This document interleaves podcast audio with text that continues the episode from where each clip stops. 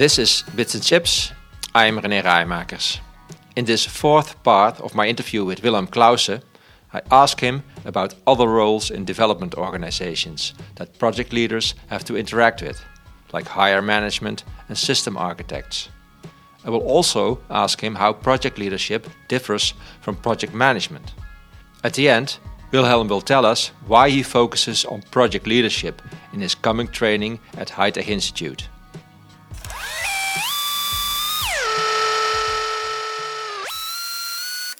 Talking about project management Hmm? and the higher management, how should they communicate with project managers? You know, having been in higher management positions, I can tell you Yeah. that you have a very limited insight to the projects that your project managers are running. Yeah? So that means the question should be phrased the other way around. We have now been talking quite a bit about how project leaders are communicating with their team. Mm-hmm. The second very important part that project leaders have to understand is how to communicate upwards mm-hmm. in a way that the people above them are able to hear and understand them, which is the first step to be helped. So, how do you do that? I think extremely important is that you have a relationship to your project sponsor. Mm-hmm. That, of course, builds over time. And the question then should be how do you build this relationship over time? Mm-hmm. And similar to that, what you are, what we have experienced in the communication to the team, let me say below you mm-hmm. as a project manager, the same rules applies if you are leading a project upwards. Mm-hmm. You basically have to be consistent in your communication. You have to be straight and short and reliable. And by the way, you have to have, you have to achieve, but that's the name of the game. Yeah. That of course means that you should prevent that you are starting to fall into the trap of ticking off any boxes blindly. Mm-hmm. So that means that you are really are aware what is my actual project progress. Am I on track or am I not on track? The first thing is be clear about what kind of project what kind of project you are running. Mm-hmm. When you've done that, you establish a structure and a heartbeat how your project is controlled. Mm-hmm.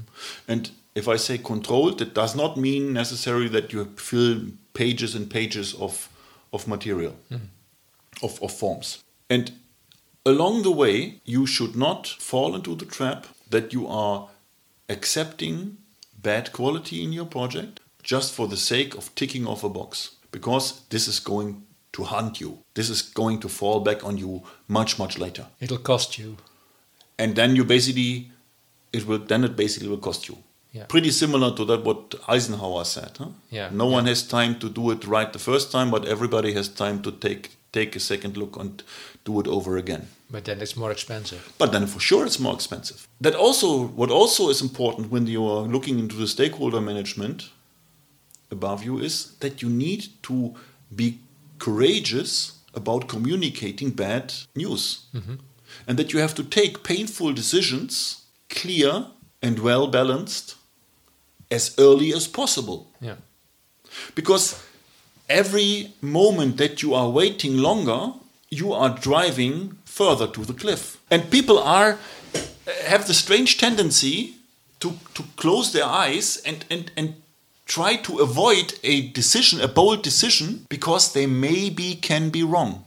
There's a very funny Roman saying that said, it's better to be the fool of all the people rather than to postpone a decision because you are afraid becoming a fool. Because decisions can be wrong. Don't worry about that one. Mm-hmm. Yes. Have I done wrong decisions? Yeah. Of course. But in the moment that you recognize that you made a wrong decision and you have a good standing in your project team, you can stand in front of your group and say, Sorry, folks, the last four weeks we were marching in the wrong direction. By the way, yesterday evening I recognized this is a reason we are changing today in this direction. And if you have a good team, Yeah. they will turn with you as one man. Of course, You'll get some headwind there. No, eh, not at the moment. The worst thing is in the Christmas party because then everybody will make jokes about you. But but that's then that's the price you pay. Yeah. Yeah. Similar to that is of course also the question, but also the point that you have to be careful about silence.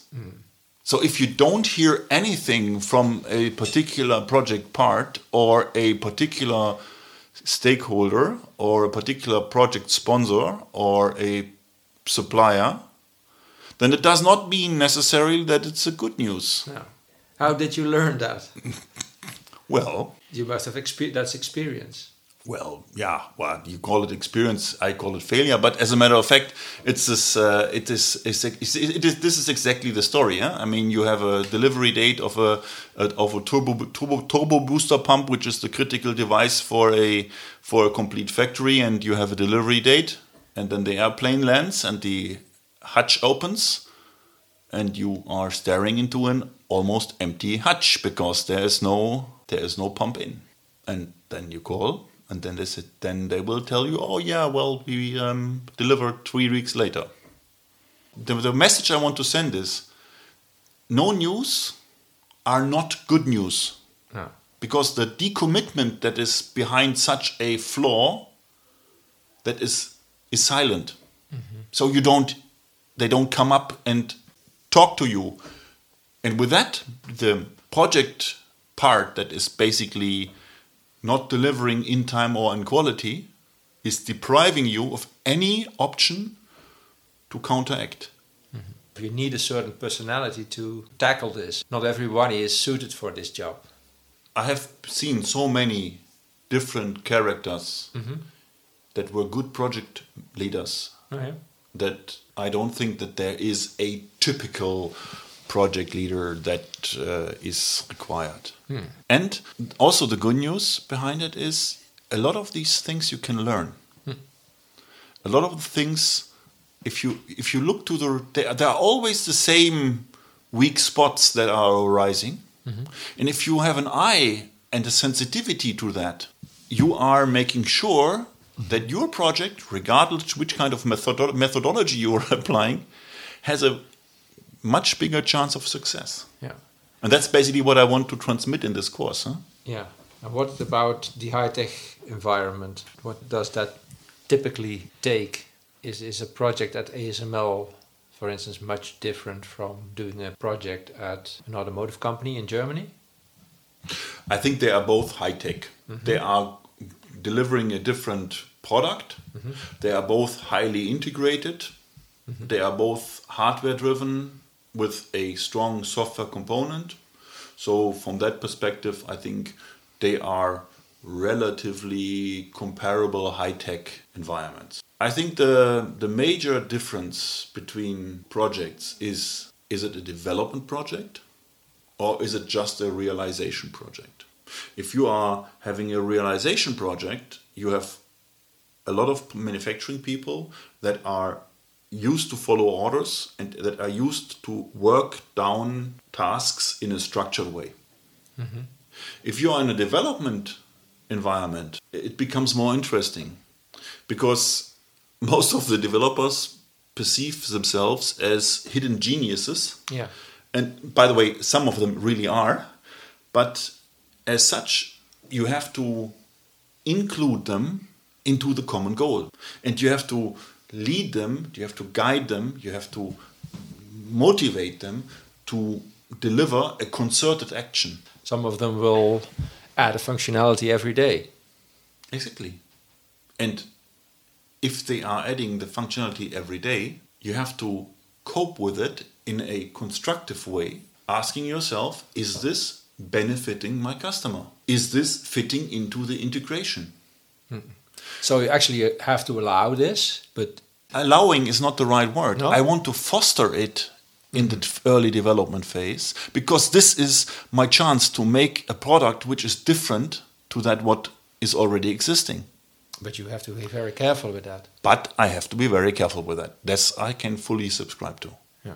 You have to balance it in a structured way that also, and there I always rely on my technical experts and architects that I have in my teams that they basically make a balanced and structured assessment of this new idea to incorporate it, yes or no. In a lot of companies, project leaders operate very closely to system architects. What is actually their relation? Well, for me, system architects are the caretakers and wardens of the integrity of the function of the system throughout all levels. Mm-hmm. And the project leader is the person that concerts and aligns and coordinates the work along the timeline of the project to make this overall function of the system available to the customer. That means I have had very good experience in grouping my system architects around me in my change control boards, mm-hmm. supporting their requests, structuring their requests, processing them according to an agreed rule set, mm-hmm. but basically leaving the technical decision which function to include and which feature to exclude basically to them. Of course, this can there can also be, let's say, some always some conflicts inherited in this kind of discussions, as in any other in human interaction as mm-hmm. well. There are some some rules that they have to stick to, isn't it? Yes, sure. So can you tell me about those rules? Yes, of course. There's very much depends on the project that you're running, mm-hmm. but and even more important on the alignment that you have made in the beginning of the project, how you want to communicate with each other. I mean, let me give you an example. I had an had an issue with one of my piping architects Yeah. who was changing the the heat amount that he was going to remove out of a certain heating element by almost 30% overnight. And when I challenged him to explain that, he basically replied to me, um, I have done that because I think it's necessary. Which, of course, means that in the moment, this communication went completely wrong Yeah. because he was basically. I was trying to tell him, please explain to the other architects what you did and why you did it. And he basically felt challenged in his technical expertise, in return, challenging my position as a project manager. Yeah. Well, this is the part of the fun of the game then. Yeah. How, how did you solve it? I think at that moment I started laughing and I re-explained my f- the statement. Yeah. And uh, after that, he started laughing as well, and we just he just wrote a little note to his email to his colleagues, uh, Oh, yeah. giving giving giving the details why he changed it, and and he appeared then the Friday next week in the change board, getting the agreement from everybody on the on the subject. Yeah, yeah. In, in technical environments, you often have to deal with people who are somewhat more square than others. Sure. Is that a is that a challenge in ex, in itself for a project leader? No, I don't think not so. diffi- not no. difficult. No, it's not. I, I, Maybe think it's more easy. I don't know.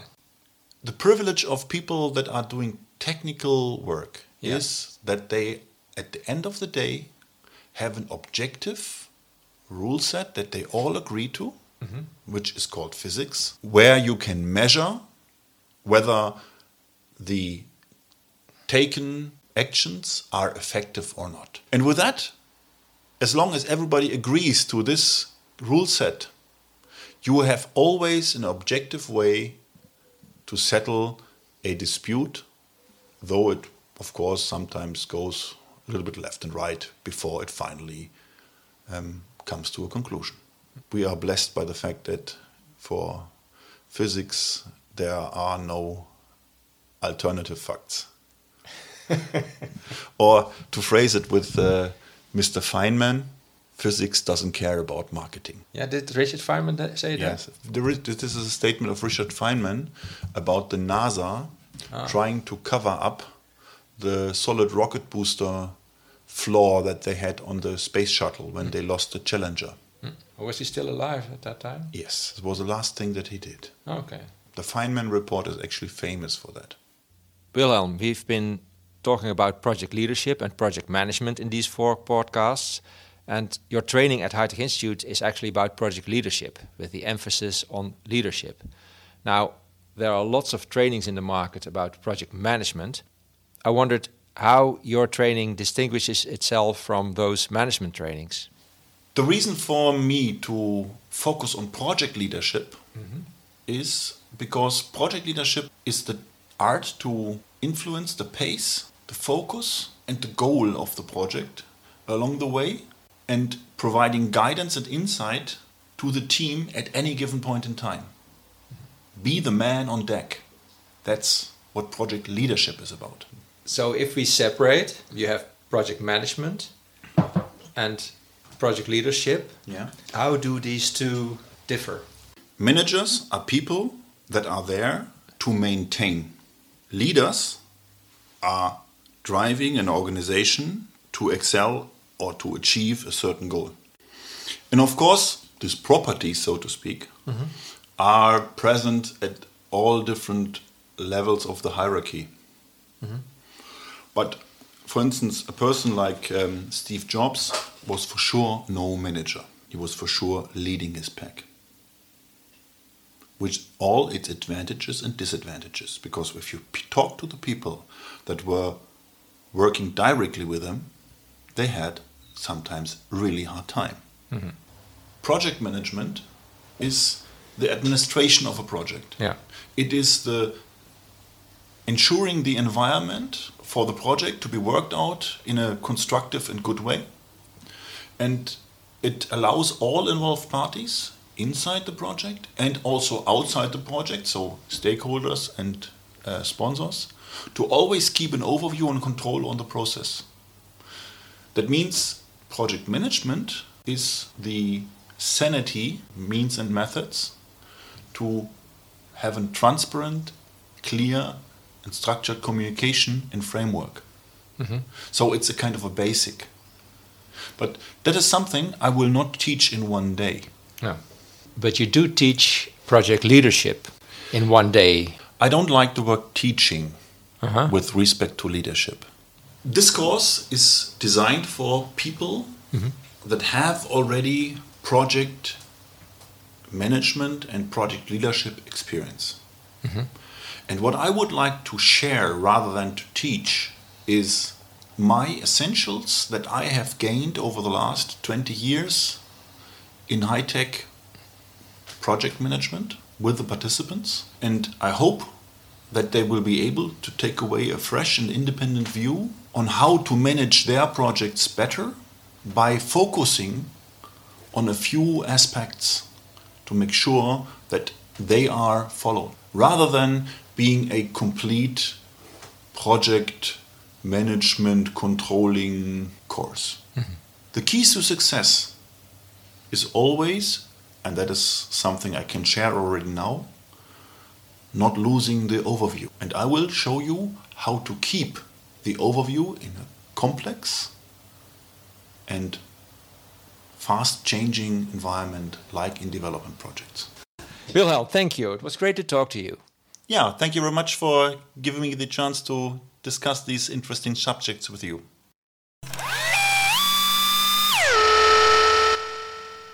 This was the last part of my interview with Wilhelm Clausen. If you're interested, you can find out more about this training on the website of High Tech Institute. That's it for now. Thanks for listening.